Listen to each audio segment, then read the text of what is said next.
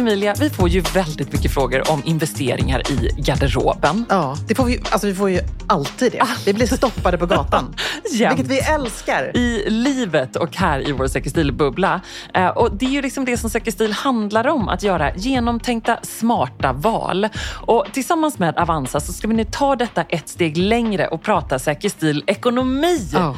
Äntligen! Så kul! Det är väldigt roligt. Alltså vad gäller helt enkelt sparande, bra, kloka, smarta investeringar, men också om kvinnliga superinvesterare. Mm. Och nog för att vi är två eh, entreprenörer som jobbar häcken av oss dygnet runt och lite till. Men då, då är det liksom inte oss själva vad vi pratar om. Nej, jag tänker att du nu tänker så här att det här ska bli vår, vår nya grej. Att vi ska kalla oss själva för kvinnliga superinvesterare.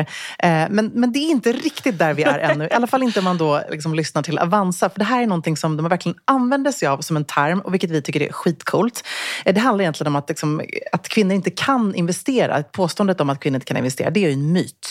Och den vill vi och förstås Avanza slå hål på en gång för alla. Gladeligen. För det finns statistik på att det är nämligen så att kvinnorna rockar på börsen. Mm. Alltså förra året presenterade ju Avanza att kvinnor investerade dubbelt så bra som män under 2021 sett till medianavkastning. Ja. Alltså 10 procent för kvinnor jämfört med 4 procent för män. Äh, men det är så coolt faktiskt. Och det finns ju så mycket mer att hämta där ur det. Och en kvinnlig superinvesterare är de som har fått högst avkastning men till en relativt låg risk. Ja. Och det här tänker jag, det här kan alla bli. Alla kan bli superinvesterare. Det gäller bara att få en skjuts på vägen och få liksom en, en kick i rätt riktning. Ja, och jag känner i och för sig nu att eh, vi brukar slänga oss med eh, modebegrepp i Säker stil och det är inte alltid vi slänger oss med begrepp som medianavkastningen. Nej. Så kanske redan här ska vi faktiskt bjuda in våran specialgäst som alltså kommer ge oss svar på vad är indexfonder? Hur ska man tänka när det gäller sparandet? Hur ska man tänka när det gäller stilinvesteringar? Vi kommer ju fråga Felicia Schön från Avanza som alltså är expert och ekonom även om modinvesteringar. Mm, har, du, har du briefat? Jag har inte riktigt gjort det, men jag tänker att Felicia. Felicia har svar på allt. har de verkligen. Och jag är också nyfiken på så här, hur mycket behöver man spara för att det ska vara lönt? Hur många aktier ska man ha? Mm. Eh, hur, hur funkar detta? Jag må vara entreprenör själv och ha hyfsad koll, men jag måste villigt erkänna att det är också väldigt mycket, eh, kanske lite dumma frågor som jag ser mycket fram emot att få ställa. Men vet du vad, det finns inga dumma frågor när det kommer till ekonomi. Tack, det Emilia. har jag plockat upp sedan barnsben. Eh, och vi kommer ju reda ut så mycket nu och vi har ett frågebatteri från både oss själva men även från våra grymma lyssnare. Så Ja, att, det kom ju ljudfrågor. Ja, så kul. Så jag tycker bara att nu kör vi. Välkommen Felicia. Ska hon få lite kaffe först kanske? Det är bra. Ja. Felicia Schön, varmt välkommen hit. Hur många koppar kaffe per dag ungefär? Vad har du för kaffeekonomi? Tre koppar hittills idag. Det är bra.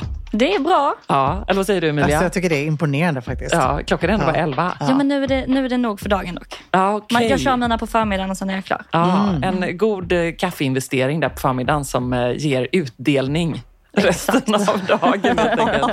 Ja, långsiktig kaffeinvestering, Ja, det är men perfekt. Det gillar vi. mycket, mycket fick bra. du till det. Ja, men tack Felicia. Alltså, vi är så glada att du är här. Vi har fått otroligt mycket frågor eh, kring detta ämne som engagerade eh, i princip lika mycket som en handväsklansering eller en viktig handväskfråga. Och det är en komplimang måste jag säga. Ja, det är ju superkul. Ja, väldigt, väldigt roligt. Jag måste också säga att jag är så glad när jag läser statistiken över att kvinnor är så grymma på börsen.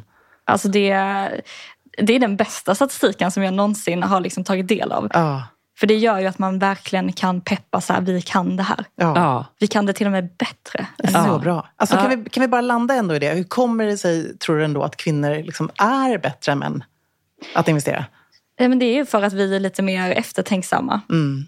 Eh, Det har ändå visat sig på börsen då. Det är ju så att kvinnor investerar lite mer i fonder än vad män gör. Män väljer- gärna aktier i högre utsträckning. Men också det att vi är mer regelbundna, så nu vet vi månadssparar mer och eh, inte liksom ska logga in varje dag och hålla på att tajma börsen utan snarare liksom vi gör det vi ska och sen låter vi det vara och det blir bäst så. Liksom. Vi är lite självsäkra helt enkelt. Själv, Eller? Mm, Vi kan väl säga att kvinnor har lite dåligt självförtroende. Okej. Mm. Men däremot att vi, när vi väl kommer in så gör vi väldigt bra val. Mm, så Ah, kul. Okej, men behöver eh, kvinnor vara lite mer liksom aggressiva där då? Eller våga lite mer? Alltså det de behöver göra är ju att ta steget från sparkonto till att överhuvudtaget investera. Ja. Men när de väl gör det så, så, så visar det ju sig ändå att den strategin, att till exempel väl- välja fonder i hög utsträckning, är ganska bra om man kollar på avkastningen då, som ju är det vi, vi pratar om när man pratar om att vi investerar bättre, att vi får Ja. högre avkastning. Det vill säga våra pengar växer mer. Och, och nu är vi så på fonder och avkastning och sånt redan. Och då Mm. Ja. tänker jag så här, nu backar vi lite grann. Förlåt. Eh, nej, det är inte förlåt. Men däremot så tycker jag bara så här, om vi bara tar det från början, för att det var faktiskt en återkommande fråga. Så här, man tar det från början, jag har laddat ner Avanza-appen, fine. Mm. Vad gör jag nu? Eh, man, man börjar med att starta ett eh, konto och där får man ju någonstans tänka så här, vad är det jag vill göra? Vill jag investera så är det ju antingen ett eh, investeringssparkonto eller ett aktiefondkonto. Och investeringssparkonto är det som allra flest väljer, det är den populäraste kontoformen. Och det som är så bra med det är ju att man inte behöver tänka på skatten. Det bara löser sig själv. Liksom. Ja. Vill man däremot liksom spara kortsiktigt så kan man ju också öppna ett sparkonto. Alltså ett helt vanligt sparkonto, men då att man får en bra ränta på det. Så det är det första man gör. Sen tycker jag att man kan sätta in en slant och det gör man ju enkelt via liksom Swish till exempel. Um, och där borde jag också lite på, så här, vill man smygbörja med aktier så tycker jag att man ska börja med ganska små summor till att börja med så att man liksom kan lära sig fram. Men däremot om man istället bara liksom vill investera för att få pengarna att växa utan att egentligen göra så mycket så är ju fonder ett superbra alternativ. Ehm, och då kan man sätta in pengar och så kan man sätta upp ett månadssparande på autogiro. Eller så kan man köpa fond bara en gång. Det, det gör man liksom helt som man vill. Och vad kan ett sånt månadssparande vara då? Eh, för säg att man, man har sitt eh, jobb, man har livet, man har inte jättemycket tid. Man tänker så här, det ska ändå löna sig om jag nu försöker sätta mig in i detta lite grann. Eh, vad, vad kan det vara då för att det ska liksom bli någonting? Alltså man kan, I våra Avanzas egna fonder så kan man spara en krona i månaden om man så vill. Ja. Sen tar det ju då väldigt lång tid innan det blir någonting av det. Men Med tanke på att jag såg att de här målen hos er ganska högt var att man vill bli miljonär. precis. Då blir det ju Ja. kanske lite mer. Alltså I snitt så brukar eh, våra kunder spara ungefär 2500 kronor i månaden Okej. eh, via månadsspar. Eh, och då är det ju så att, att männen sparar lite mer än vad vi gör. Tänkte precis säga det. Typiskt. Alltså de ligger ju på ungefär 2800 och eh, kvinnorna ligger på ungefär 2000. Eh, så det är ju ändå liksom ett, ett så kallat spargap där. Att männen eh, liksom, de ligger lite, lite högre än oss. Vilket Men vad jag, här, här tänker jag också bara, lite, förlåt Ebba, men Ja. lite generellt tänker jag då, jag som också eh, jobbar kanske med annan typ av investeringar i bolag och så vidare. Mm. Här möter jag väldigt mycket kvinnor och den diskussionen bland kvinnliga investerare eh, överlag är just att kvinnor inte vågar ta risker på samma Mm. sätt som män. Och det är väl lite ett bevis då kanske, att man inte vill lägga en för stor summa heller, utan man börjar lite mindre och lägre. Ja, och jag, och jag tror också som sagt att det är så att eh, många kvinnor håller sig tyvärr till sparkontot för att man tycker att det är läskigt med börsen. Också kanske för att man bara förknippar börsen med just aktier. Men det är ju så att fonder är ju också en aktieexponering som gör att man liksom köper massa, massa aktier i en och samma fond. Alltså det är det en fond är. En fond är massa, massa aktier. Eh, och det gör ju att eh, man bara liksom kan låta det gå och behöver inte göra så mycket med det. Nej. Så för den som har lite sämre koll då så skulle jag egentligen säga att en fond kan vara en bra början. Verkligen. Alltså det är egentligen det enda man behöver. Och särskilt då om man inte är speciellt intresserad. En grej som jag tycker är bra, Ebba du var inne på det, det är just det här med sparmål. Ja. Eh, vi gillar ju Sextil väldigt eh, mycket att ha konkreta mål. Man sätter upp där. Vi brukar prata om att ska man köpa den där handväskan, eh, då kanske man ska göra det när man liksom har åstadkommit någonting, en dröm. Att man liksom har någonting att se framåt. Eh, och här tycker jag ändå att det är ett bra sätt att komma igång när man klickar in på eh, och ser eh, och, och ser då hur andra sparar. Vi Ja. gillar ju att jämföra oss med andra och det känns lite tryggt när man vet så här, hur gör andra eh, just konkret när det kommer till sparande. Du var inne på det att miljonär ligger ganska högt upp men här är liksom pensionen, miljonär, buffert, barnsparande och framtiden är det om jag bara söker på kvinna 41 till 50 som ändå täcker in både dig och mig Ebba. Om tänker vi som sitter här då, eh, Emilia och jag, kvinna 41 till 50. Eh, vad kan du säga om oss? Hur är den typiska? Ja, men, eh, du var ju inne här på det här med sparmål. Och eh, pensionen är det sparmål som är allra vanligast i den här åldern. Vilket jag egentligen inte tycker är så konstigt. Även om jag tycker att det är liksom lite tråkigt typiskt oss kvinnor att alltid spara till liksom pensionen och inte till miljonen. Nej. För det är också en sån skillnad vi kan se att männen tenderar ju att ha miljonär som sparmål medan kvinnor har pensionär. Ja, jag, vet vad? Eller är det så? pensionär. Jag, jag, jag tittade faktiskt nu, nu, nu switchade jag till män och då är det alltså miljonär som är nummer ett. Exakt. Och sen är det mycket så här, bli ekonomiskt eh, liksom, oberoende som män gärna också sparar till. Eh, men i alla fall, det är pensionen och sen är det miljonär på andra plats och sen då till buffert, barnspar och framtiden. Så det, det är liksom eh, inga konstigheter egentligen förutom då att jag hade önskat att det såg ut på andra hållet. Hur kommer barnspar upp om man jämför med männen? Det är faktiskt ganska lika. Och Det det, var i alla fall det, skönt. det glädjer mig. Det är inga stora skillnader där. Män sparar också till sina barn. Superbra. Men de sparar ungefär 2 000 kronor i månaden. De har ungefär 244 000 i genomsnittligt kapital, det vill säga hur mycket sparande de har samlat. Och de har ungefär eh, fem aktier i sin portfölj. Och eh, om man kollar på de populäraste aktierna så är det Investor som ju är eh, Sveriges mest ägda aktie. Det är ett investmentbolag. Sen har vi SBB. Vi behöver inte säga så mycket mer om det. Volvo, H&M och Kinnevik Ja. som är på liksom, topplistan. Alltså, vi har fått ljudfrågor också. Ska vi inte riva av Ja. en? Jo, det låter bra. Hej! Eh, Linnea heter jag. Jag har en fråga till dig främst, Emilia. Där jag undrar, eh, du pratar ofta om investeringar inom modebranschen som du gör. Finns det tips för oss om man vill investera som en vanlig person om man säger så? Vad kan man tänka på då? Det vore spännande att veta. Eh, passa på att tacka för en härlig och inspirerande podd. Hej!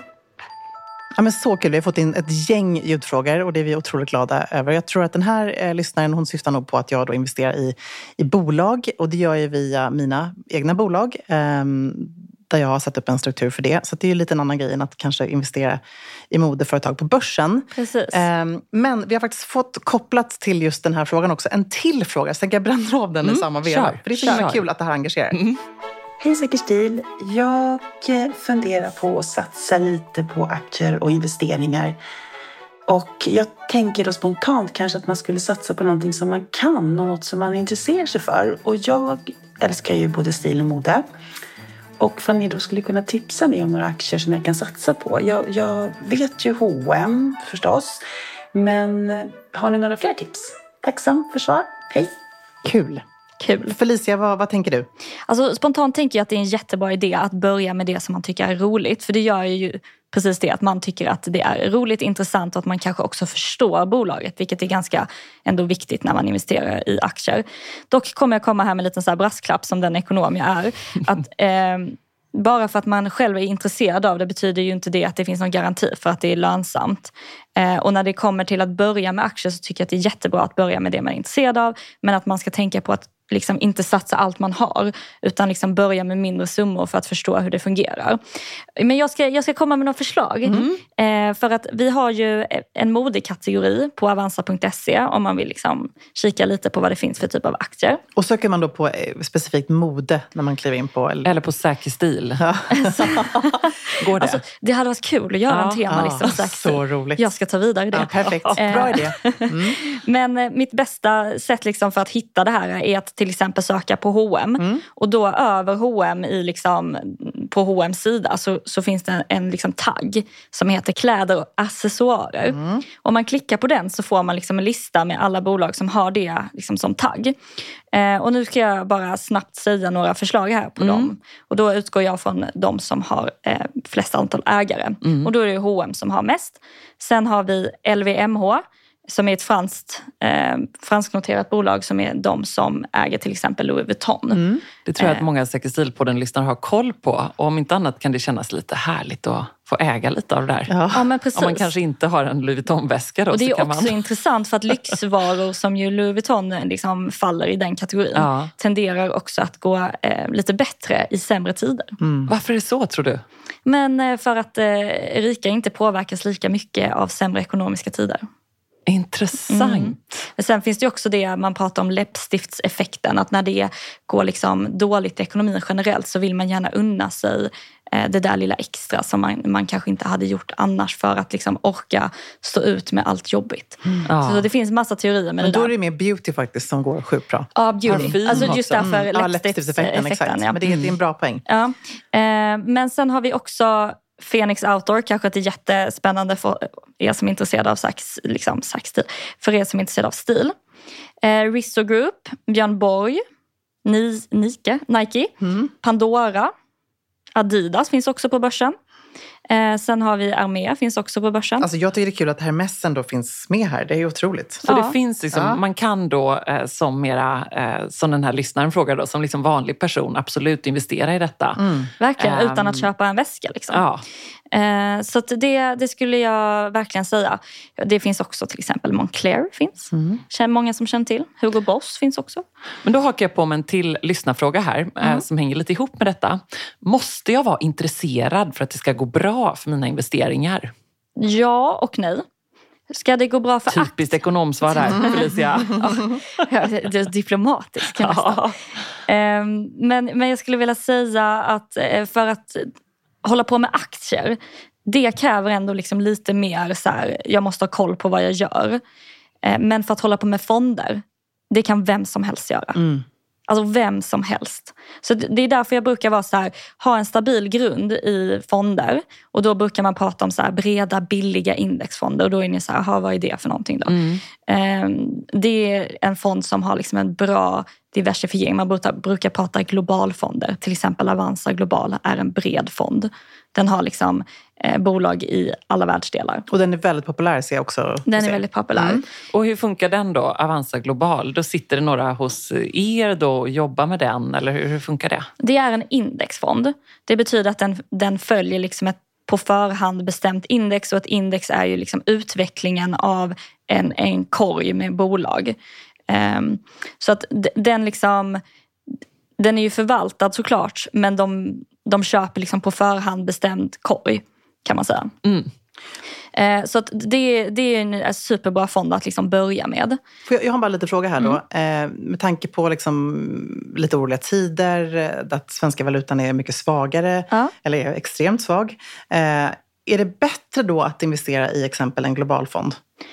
Eh, Ja, just nu har det varit bättre i alla fall. För att när den, den svenska kronan försvagas så gynnas man av att ha investerat i utländska bolag. Ja. Så en globalfond investerar ju väldigt mycket i till exempel amerikanska bolag.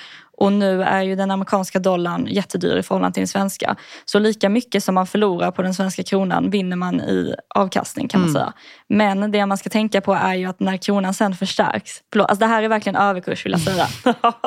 Alltså när kronan sen blir starkare så är det ju de svenska investeringarna man vill åt. Så att man ska alltid tänka på att ha både och. Bra. Så till exempel Avanza Tycker inte det Global överkurs. Tycker det här är bra. och Avanza Zero. Är liksom, ska man börja med två fonder så är de två superbra. En till fråga här eh, som jag tyckte var bra. Eh, definiera långsiktigt och kortsiktigt sparande. För det är ju begrepp som ofta återkommer. Om man nu börjar sådär då, och så får man ju den frågan då, men är det långsiktigt eller kortsiktigt? Ja, men, eh, vad är det och vad kan det vara för sparande då? När det kommer till långsiktigt sparande så är det det vi pratar om som liksom ska eller bör investeras på börsen. Och det är pengar som man kan avvara i minst tre år. Minst. Okej. Alltså minst. Mycket hellre liksom fem plus, alltså fem, tio, femton, tjugo år.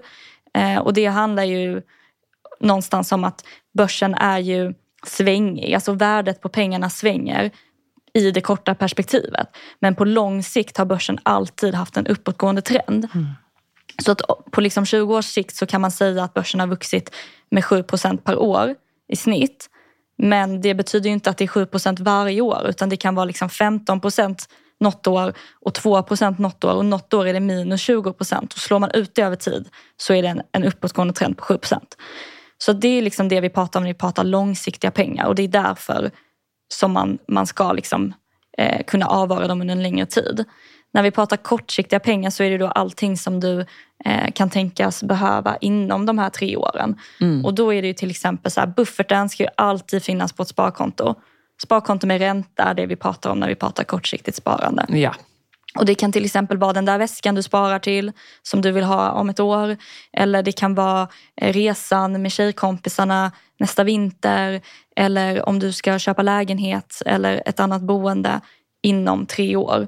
Då pratar vi kortsiktigt sparande och det gör sig allra bäst på ett sparkonto med ränta. Okej. Kortsiktigt sparkonto. Men här kan man med andra ord kombinera de två. Det är väl det Ja. allra bästa då. Absolut, rätt Eh, pengar på rätt plats. Ja, exakt. Jag tänker också då utifrån perspektivet som både du och jag jobbar med, att vi investerar i våra egna- bolag, att man kan ändå dra en parallell, även om det inte är samma grej här. Att jag brukar tänka så i alla fall när jag investerar generellt, att har jag råd att riska det här länge? Exakt. Har jag råd att hänga med länge? För man vet Precis. ju att så här, avkastningen blir oftast mycket bättre och, eh, om, man, om man tar den risken så att säga. Och här tror jag också kvinnor kan bli lite bättre. Och känna så här, 100%. vet vad, jag, nu, nu gör jag det här och så tänker jag att det här är långsiktigt. Och då har man de här lite mer långsiktiga målen. Vilket är bra. Man får liksom tänka att man inte har pengarna. Nej, precis. Så brukar jag tänka. Ja. Det, är- det är faktiskt en väldigt bra en grej. jättebra grej. Och att man då liksom har ett månadsspar som dras direkt istället. Ja, Eh, exakt. Det är ju suveränt. Så, så när lönen kommer in så, så ser man till så att pengarna inte syns. Mm. Eh, alltså de får knappt liksom nudda ditt lönekonto innan de ska liksom iväg igen. Och det är väl också det som är typiskt kvinnligt sparande. Nu knyter jag an till här som vi började med de här kvinnliga superinvesterarna. Och så tänker jag så här att jag är nog ändå en typisk kvinnlig superinvesterare själv om jag ser till mitt eget sparande och mitt pensionssparande exempelvis. För där är jag väldigt mycket så här in good times, in bad times. Så att jag liksom bara kör på. Och jag har gjort det sen jag fick mitt första eh, jobb på eh, Sveriges Radio Expressen när jag var liksom 1920. Så har jag liksom bara kört på med det i goda och Jättebra. dåliga tider. Alltså det är exakt jag så då en kvinnlig göra. superinvesterare? Alltså egentligen så är ju liksom en kvinnlig superinvesterare de som har hög risk, risk, riskjusterad Aha, jag måste ha lite hög avkast- risk också. Nej, hög riskjusterad avkastning. Det betyder Aha. alltså att man både, eller har, vad ska man säga, att man får hög avkastning i förhållande till den risk man tagit. Så det är också lite överkurs när vi går in på det. Ja. Men det är ju de som liksom lyckas eh, på börsen. Det är de som vi kallar för superinvesterare. ja, men jag har ju investerat på börsen också, de där liksom trägen vinner. Du får jättegärna kalla dig för kvinnlig Det superinvesterare. tycker jag. Jag tycker du är jag kände det 100%. när vi pratade Vi, om det vi kan Det liksom var- ha en alternativ betydelse för det också tycker jag. Ja, verkligen så. Jag har en annan fråga. När man då går in och man inte har gjort det, man är inte liksom Ebba som är liksom savvy och kan sin grej eh, och har gjort det här Så länge. där måste jag säga. Ja men ändå, det jag vet, jag har ju följt det här. Jag vet Mer också när, när, jag vet, när, du, när tråkig. firat ibland på kontoret när, när börsen har gått bra. Då Alltså liksom jag Ebba måste säga vilka lycklig. bra förebilder ni Ja. är. Men förlåt, Ja. fortsätt. Men eh, då bara tänker jag så här, hur pass mycket, eller hur pass lite kan man investera? Nu behöver vi in i att man kan med en krona, men liksom, vad tycker du är en okej ändå summa? Och hur många aktier tycker du att man liksom bör ha? Alltså typ 500 kronor i månaden, vad kan det bli på, på eh, 20 år, 18 år? Så om man går in på avanza.se, alltså på startsidan, Ja. så har vi en sparkalkylator. Ja, Så men nu tänker lyssnar ju folk på podden. Ska Ja. inte du Ja, göra ja, ja, det här? ja. Jag ska gå in här och, och, och göra till er. Go fem, Felicia! 500 kronor i månaden. Hur många Ja. år vill vi? Eh, 18 år. 18 år. Vi Det här, snackar liksom en body lotion. en body lotion. bra- Jag, tänk, jag tänkte mer så här också att tills mina barn, då är alla verkligen med råge borta. Ja. Exakt. Jag tänker mer att det skulle kunna vara ett barn...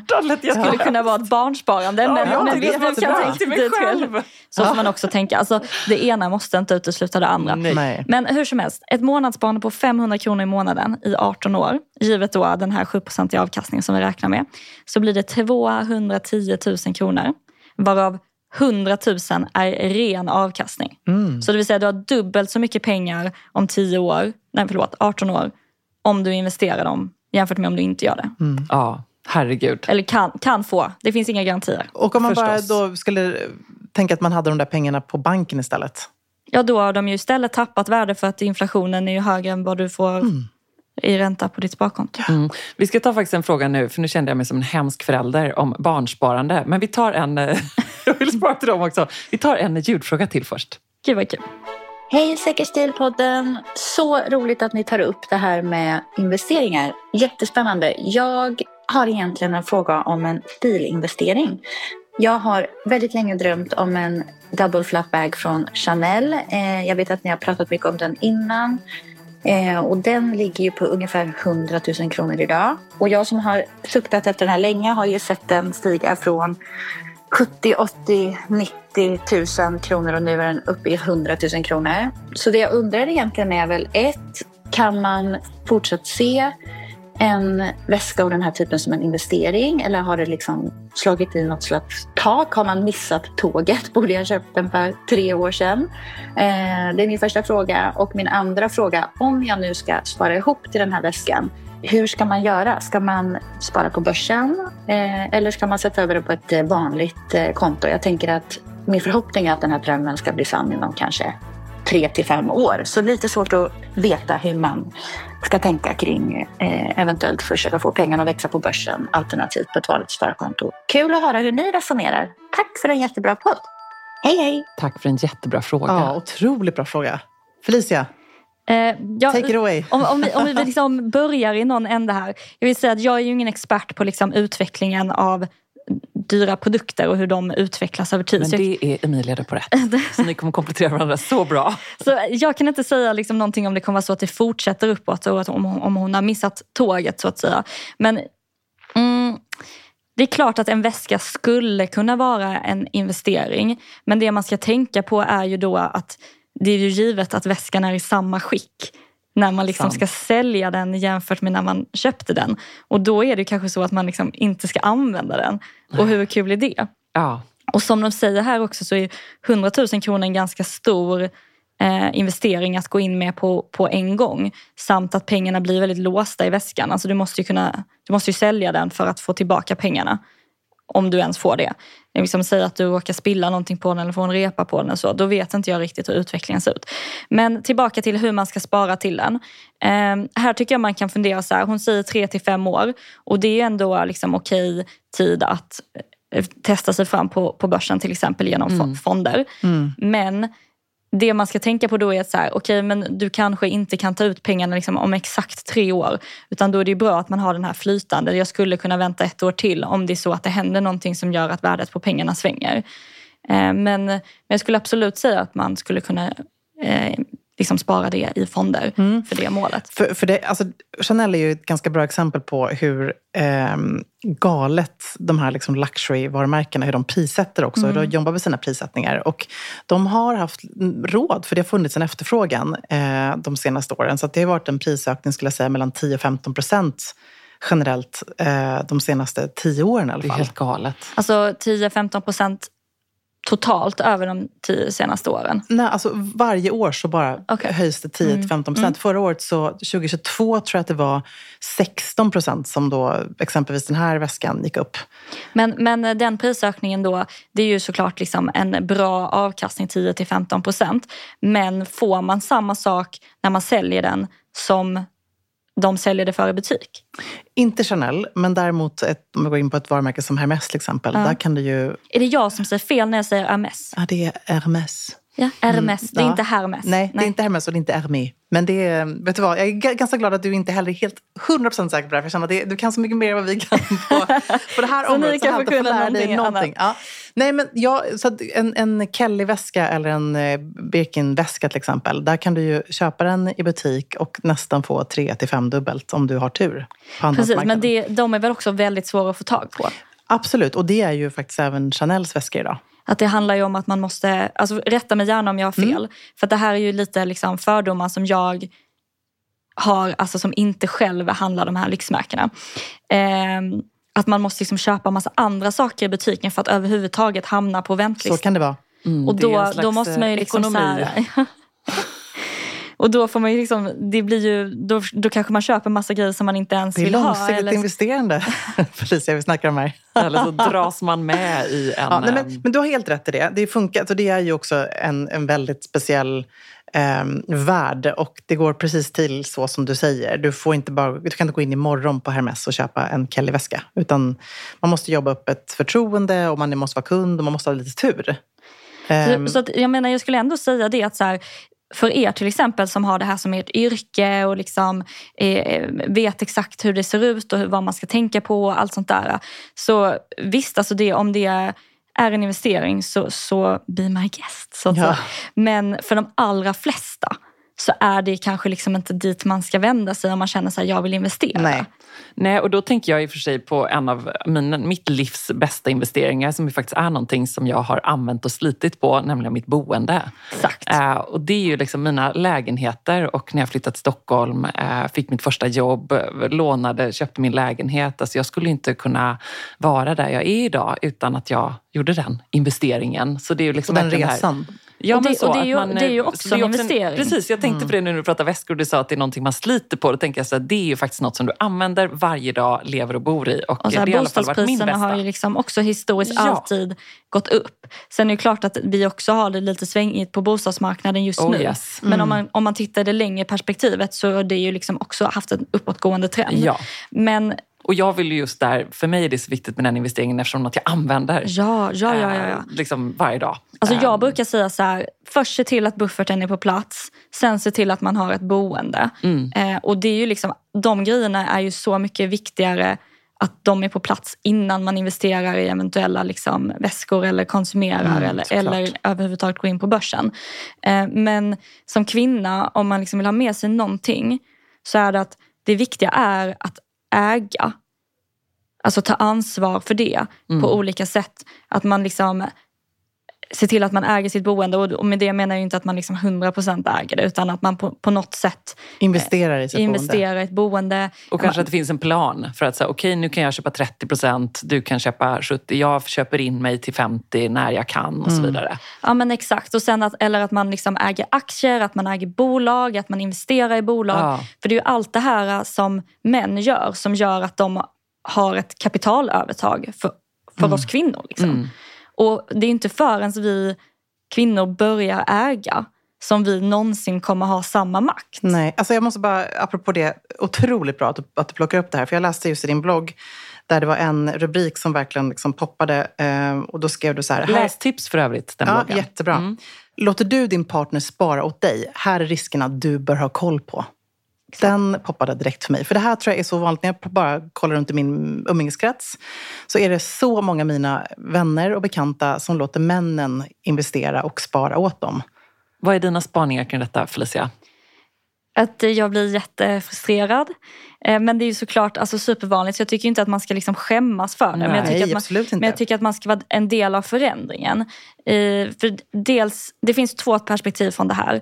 Det ena är om man låter sin man spara åt sig i sin mans namn.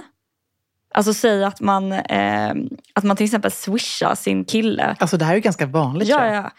Swishar sin kille varje månad för att han ska investera. Då Ja, eller- äger han ju allting. Ja, eller att man har ett gemensamt konto som är så här, vårt gemensamma. Men vem är det egentligen som står för det? Ja, men ett, det, man kan ha ett gemensamt sparkonto men ett investeringssparkonto går inte att Nej, samäga. det är det jag menar. Att det man, har, man kallar det för sitt liksom Precis. gemensamma och så får man över eh, tre och fem varje månad eller vad det nu kan vara, eller tusen. Och så är det egentligen hans konto. Exakt, så är det han som äger det. Nu beror det såklart på om man liksom är gift och så här, vad man har för eh, liksom, eh, äktenskapsförord och, Mm. och allt sånt där. Men liksom, i regel är det ju den personen som äger kontot som har liksom full juridisk makt över Mm. det. Så att säga att det börjar liksom bli lite skakigt, då skulle ju han eller hon, det kan ju såklart gå båda hållen, eh, liksom i praktiken kunna ta ut alla pengar, spendera dem eller liksom så här, ge bort dem till någon och så blir det helt plötsligt världens juridiska tvist. Eh, men det är ju, så det är ett perspektiv, att han sparar i liksom sitt eget namn så att det liksom juridiskt blir svårt att komma åt pengarna. Det andra är ju att det sparas i ditt namn men du gör ingenting själv. Vilket gör ju att du går miste om alla lärdomar som man får när man själv både sparar, investerar och tar hand om sin ekonomi. Sen menar inte jag det här på något sätt att man liksom inte ska hjälpas åt i en relation eller att man ska liksom misstro varandra. Utan Eller om det är en som är bättre på det. Ja, Så exakt. kan det vara. Det handlar ju bara om att man liksom ska ta ansvar för sin ekonomiska självständighet. Mm. Eh, och jag tror att det är superviktigt. Och hur definierar du ekonomisk självständighet? Men det är ju bara att man liksom själv har koll på... Jag brukar säga så här att i en relation, man kan ha ett gemensamt sparande men varje person i relationen ska också ha ett eget sparande. Alltså i sitt eget namn. Så att man ser Mm. Okej. till liksom så att jag, jag är inte beroende av min partner. Nej. Och det här kan ju vara en ganska jobbig grej att mm, helt plötsligt ändra om i en relation. Mm. Eh, Jag förespråkar ju då absolut äktenskapsförord. Ja. Big shout-out om man inte har det. Jag tycker att det är någonting man Eller absolut ska ha. Eller samboavtal. Och det är mer så här, jag minns att jag satt någon, i någon sån här äktenskapsförords liksom, session med en advokat när um, jag gifte mig med min man, Marie.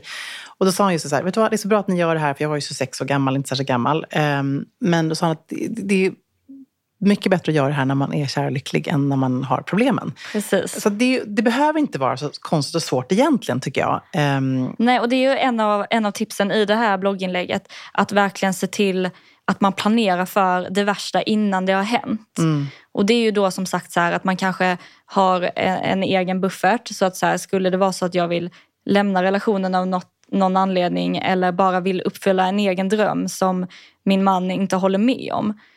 Att man liksom har möjlighet att ha det. Och det är ju den här ekonomiska självständigheten som jag pratar om. Jag pratar inte om att man ska ha miljontals kronor och vara ekonomiskt fri, som det ju vissa blandar ihop det med. Utan mer bara att man ska liksom kunna klara sig själv.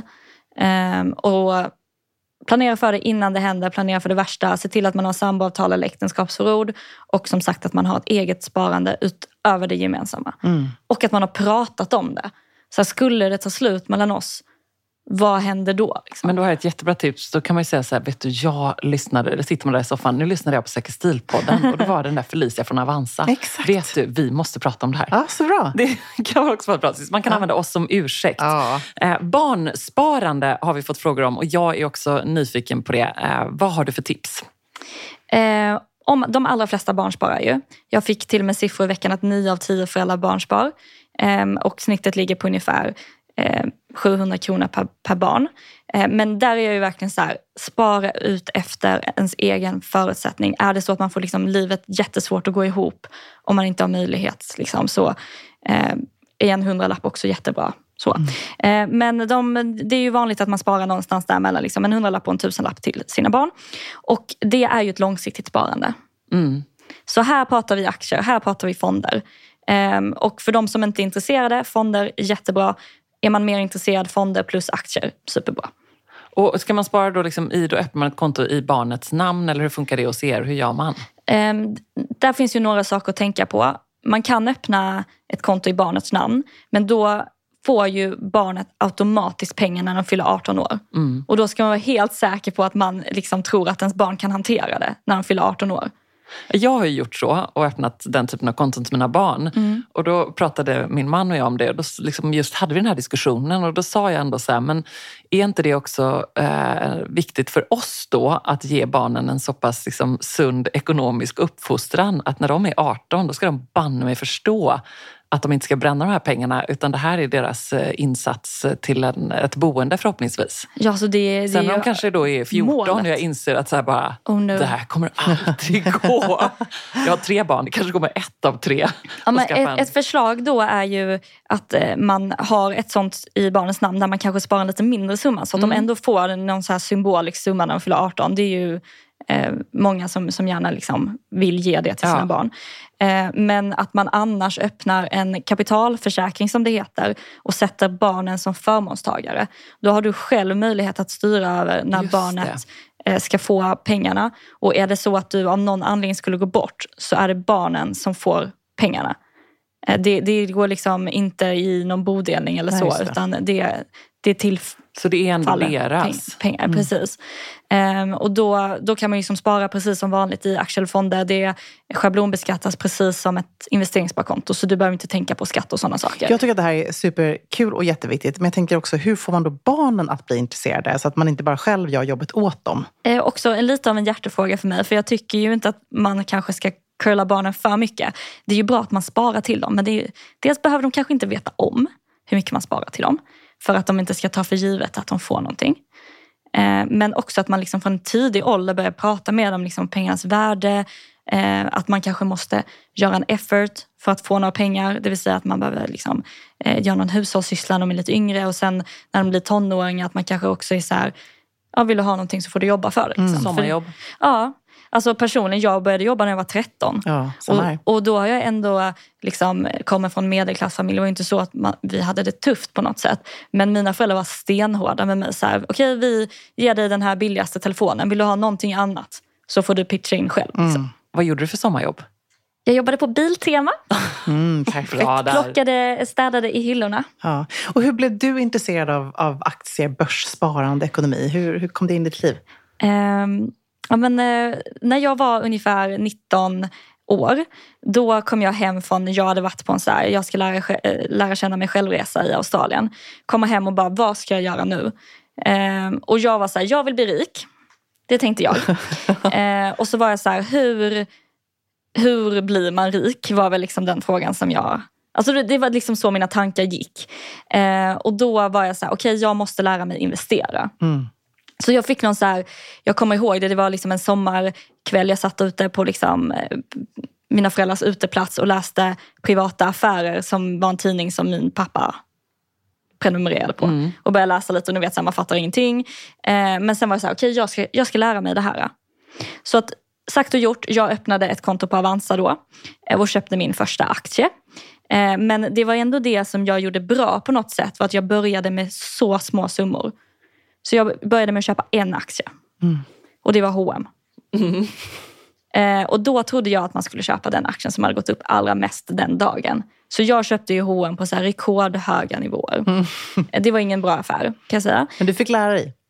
Precis, och det var det som var grejen. Att jag gjorde nästan alla de här misstagen som man kan göra som nybörjare på aktier.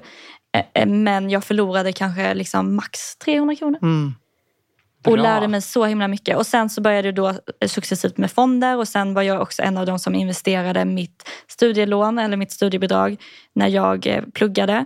Eh, och insåg då det fina med att så här, när man investerar då liksom får man behålla Alltså man äter kakan men behåller den också. Ja. Eftersom att pengarna ju växer så har man ju hela tiden samma summa pengar kvar fast man kanske använder lite. Liksom. Ja. Så kul. Jag tycker det är jätteinspirerande att höra. Vi har ju tonårsdöttrar båda två. Mm. Eh, som säkerligen har också lite ambitioner framåt. Ja. Det är jättekul att man också kan få dem att börja i tid. Det känner jag Ja. som ett ansvar som förälder. Men, men också någonstans är ju så här, jag började ju när jag var 19. Ja. Det är inte för sent. Nej, Det är inte för sent att börja när man är 30 43. eller 40. Eller Nej. liksom. Ja men verkligen. 65. Och sen någonstans vill jag bara springa tillbaka till det här med att jag vill bli rik. Så att ingen tror att det liksom är... För sen lär man ju sig någonstans att det är ju inte det som är liksom det man, man strävar efter i livet. Utan sen handlar det ju mer om det här med liksom, eh, makt och ekonomisk självständighet och kunna ta egna ekonomiska beslut och, och allt det där. Eh, och sen då när jag började på Avanza för två år sedan så insåg jag ju hur sjukt stor skillnad det är just mellan kvinnor och män. Eh, vilket var det som gjorde att jag sa, gud det här måste jag förändra. Mm. Och så var ju ganska duktig på både liksom aktier och fonder. Går det åt rätt håll? Det går åt rätt håll. Mm. Och det ska vi verkligen liksom vara stolta över. Eh, vi kan ju se på Avanza, vi har ju ungefär 40 procent kvinnor eller strax under. Eh, och det, den delen ökar ju liksom, även om det går väldigt långsamt. Så det är superkul att se. Eh, också att vi sparar mer i fonder och mer i aktier än vad vi gjort tidigare. Men vi behöver bli ännu bättre. Vi var inne på, på pensionsspar tidigare. Vi har fått Mm. frågor om det också, så jag känner att jag vill lyfta det. Sextil pensionssparar ju hos Avanza, vilket är kul. Woho! När tänker du att man ska börja pensionsspara? Hur ska man tänka? Och är man egenföretagare, hur ska man tänka då? Eh, egenföretagare är ju en kategori för sig och det är ju för att de inte får eh, tjänstepension. Så har man fyllt 25 år och man är egenföretagare så ska man ju avsätta minst 4,5 procent av sin lön till tjänstepension för att kompensera för att man inte får någon tjänstepension. Och det gäller också såklart om man inte får tjänstepension. Men de allra flesta som är anställda får det. Mm. Ehm, och det tycker jag ju att man ska också, ISK, alltså ett investeringssparkonto, fonder, högriskfonder, det vill säga aktiefonder. Ehm, och väl då som sagt breda billiga indexfonder, till exempel Avanza Global, Avanza Zero. Och det är så enkelt hos er att sätta upp det måste jag säga. Det är bara att göra. Ja, Mm. alltså superenkelt. Ehm, och när det kommer till sen hur mycket man ska spara, man bör ju egentligen börja pensionsspara ganska tidigt. Och det har att göra med att ju tidigare man börjar och med ju större summor man har, desto mer effekt kommer det få över tid. Men om man ska vara realistisk, så de allra flesta i liksom 20-årsåldern har ju massa andra saker man sparar till först. Det vill säga man behöver spara upp sin buffert, man kanske vill ha boende, man kanske vill gifta sig, man kanske får barn. Och jag tycker inte att man ska liksom skämmas över att så här, pensionssparande blir det minsta sparandet i det. Även om det liksom egentligen hade varit bättre att man gjorde tvärtom. Eh, och det är ju som sagt någonstans för att det ska vara realistiskt. Så ett par hundralappar när man är 25 år och sen liksom öka på det. Precis, det är väl jättebra. Låt det ticka på bara. Ja, Väldigt bra. alltså verkligen. Jag måste slänga in ett eh, tips till vad gäller barnen då. Därför att eh, mina barn sommarjobbade i somras med att plocka golfbollar och sälja bullar. Alltså jättebra. Ehm, ja, och eh, då eh, tjänade ju 12-åringen eh, faktiskt eh, en, en hel del tusenlappar på detta. Mm. Eh, och då var vi just så här noga med hemma då att så här, okej, ah, gud det är så bra att sälja bullar, de går jättebra. Då var det så här, okej, men vad kostar ingredienserna? Mhm. Du får gå och handla dem själv. Ah, just det, prissättning. Ja, då sålde de liksom bulle per styck då. Så var jag så okej, men vad händer om, eh, för det är ju väldigt billiga råvarukostnader. Mjöl var även i Falsterbo hyfsat billigt, smör dyrt. Eh, Så var även där så här, vilka bakverk har mycket smör? För då bakar de chokladbollar. Shit vad mycket smör det går åt. Jättedyrt. Vi kör på bullar. Fluffigt, volym, många bullar. Så har vi också så här påse då. Ja, men vad händer om ni liksom prissätter dem och säljer fem stycken i en påse till de här golfspelarna? Kommer ni sälja fler?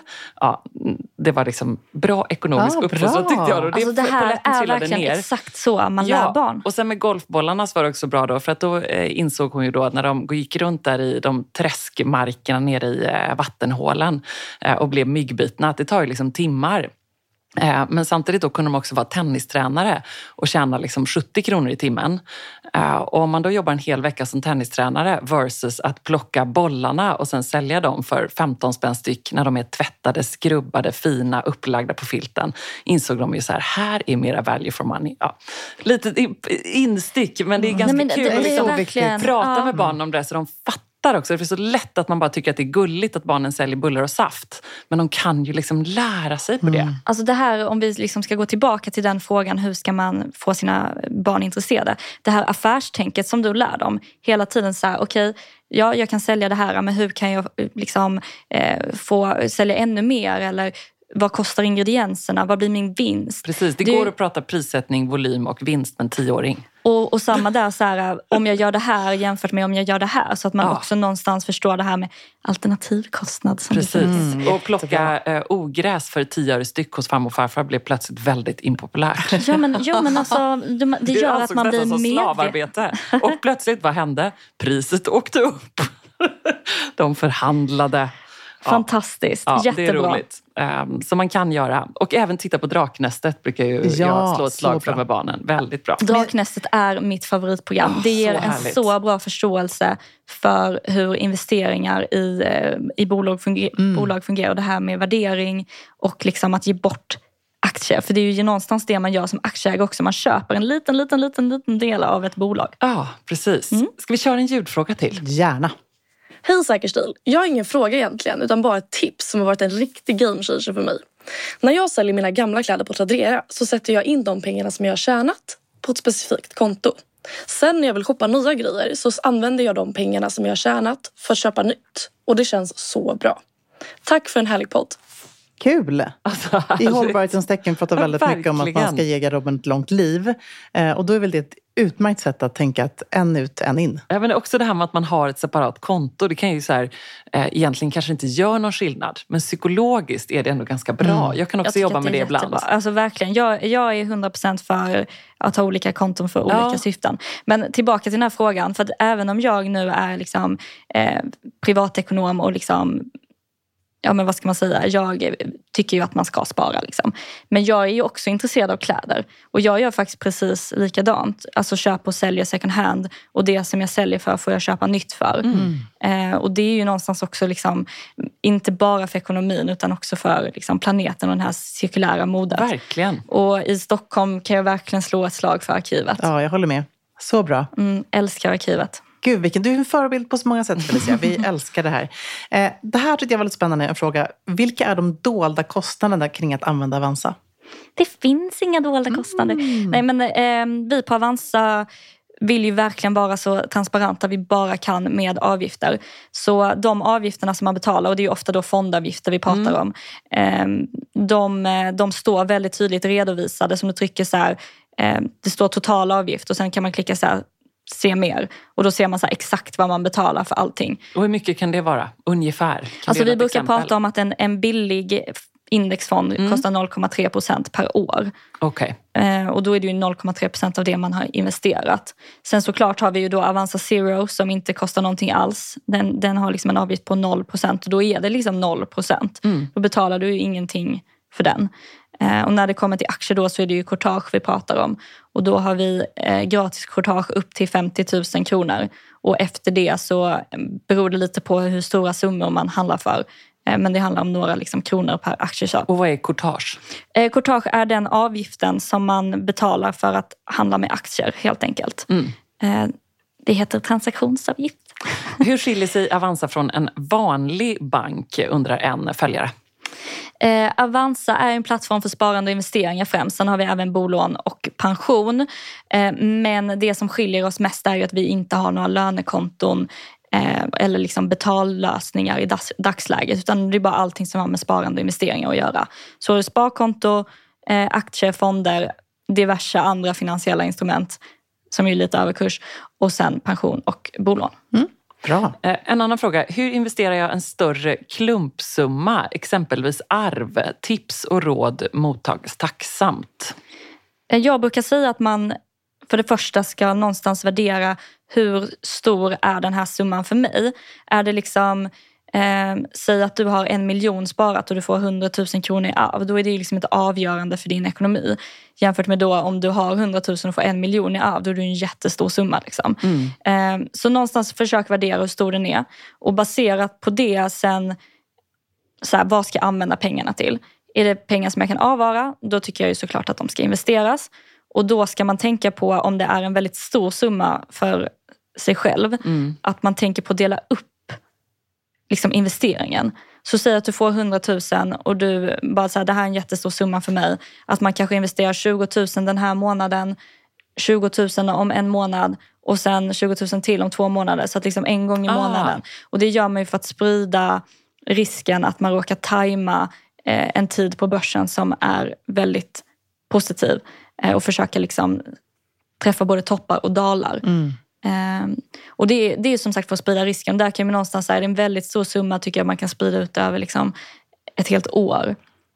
I den lite mindre summan kan man prata lite liksom månader istället. Mm. Och har man en större summa tänker jag att det blir ännu viktigare att man också läser på och, eh, och tar del av den liksom, information som ni delar med er. Nu säger du att du, ni gärna inte liksom, rekommenderar exakt vilka aktier man ska satsa på och Nej, vidare. men vi ger väldigt mycket vägledning i Mm. hur man kan tänka. ja. Ehm, och där är det ju igen så här, har du fått ett arv på en jättestor summa så kanske det inte är då du ska satsa på en aktie. Nej, precis. Utan du, då är det ju mycket bättre att man börjar med fonder till exempel. Ja, och riskspridning. Exakt. Ehm, är det krångligt med deklarationen om man handlar med aktier och fonder?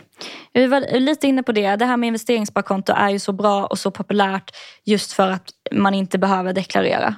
Eller man deklarerar men det kommer för printat, för Mm, uträknat på det deklarationen. ISK då? Exakt. Mm. Ehm, så att då, då betalar man ju liksom en låg skatt varje år ehm, på de insättningarna som man gör. Och det är också därför man inte ska ha oinvesterade pengar på ett investeringssparkonto.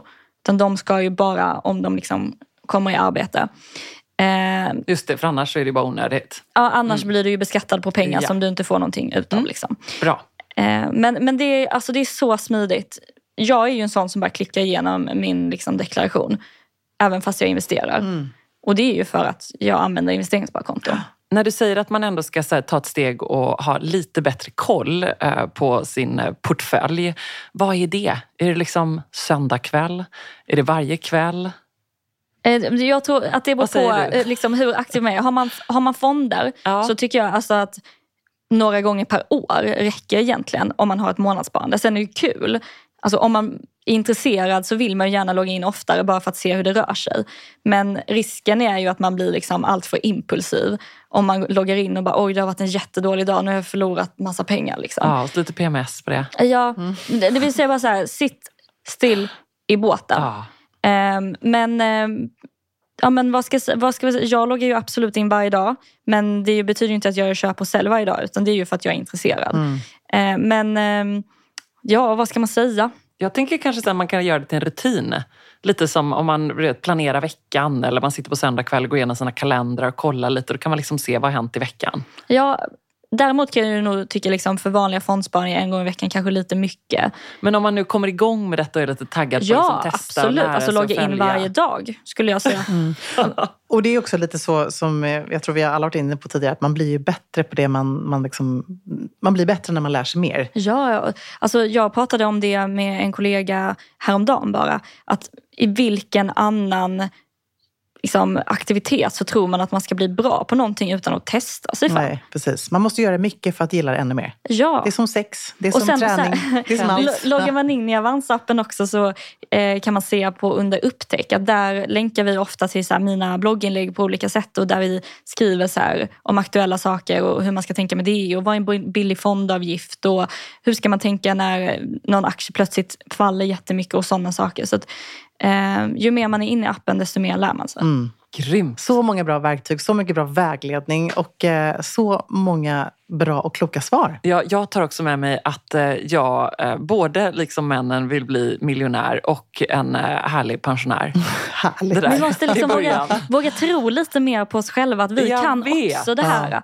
Och eh, som sagt, det är ju inte så att man inte ska ha sina intressen som Nej. kläder och mode och sådär, utan mer så här, hitta en balans Mm. mellan det. Ja, men jag tror precis så här, här och nu njuta av livet, absolut. Eh, jobba med sin buffert, men också tänka långsiktigt och tänka att, att man också jobbar för någonting lite större för framtiden. Ja, Ja. och lär man sig investera så kommer man som sagt också både kunna ha kakan och äta den. Ja. Ja, och också så här, prata mer om de här grejerna. Eh, Jag Ja. känner mig alltså, alltid som en sån downer när jag tar upp pensionssparande här på en tjejmiddag, vilket jag mycket väl kan göra. Men alltså mina tjejkompisar är ju så här, Felicia lär oss allt du Ja, kan. Det förstår jag. För att det finns ju, och det är det jag menar med att ta upp det. Det är lite som att glänta på en dörr som väldigt många vill prata om. För att det är faktiskt ett faktum att eh, män, skulle jag säga utan att ha på fötterna så, eh, prata mer om det här. Eller man framförallt tror pratar mer om investeringar. att män också eh, generellt är lite bättre på att våga ställa frågor. Och där tycker Ja, men jag vi... prata med varandra om Ja, så här, men vad har du precis. investerat, hur sparar du, Ja. Mm. jag tänker så, oh, den gick upp, den gick ner. Det pratar liksom inte vi om lika mycket. Vi har så jävla mycket annat viktigt att prata om. ja, Till exempel verkligen. Relationer, Ja, att världen ska bli en bättre plats, Ja. eh, att våra barn ska må bra, att vi ska Men vara alltså, snygga. man behöver inte skämmas heller för att man inte kan eh, Nej. någonting om fondspar, aktiespar. Alltså, det, Men om det är Avanza. någonting som jag också ser liksom en liten trend av att att jag tycker att vi tjejer kan vara lite dåliga på att googla saker. Att man gärna vill ställa dem till en person. Mm. Så jag tycker ju absolut att man skulle kunna googla eh, så här, hur bygger jag en fondportfölj? För det finns hur mycket som helst. Helst, helst googla hur bygger man en fondportfölj Avanza. Ja, enligt Felicia. Precis, att jag driver ju också såna här utbildningswebinars. Ja, är det den här akademin som ni har? Nej, Nej. utan det här heter Invest like a girl. Okej. Där vi riktar oss mot liksom kvinnor som vill lära sig investera. Ehm, och det finns ett avsnitt på Youtube just nu. kommer komma liksom fler.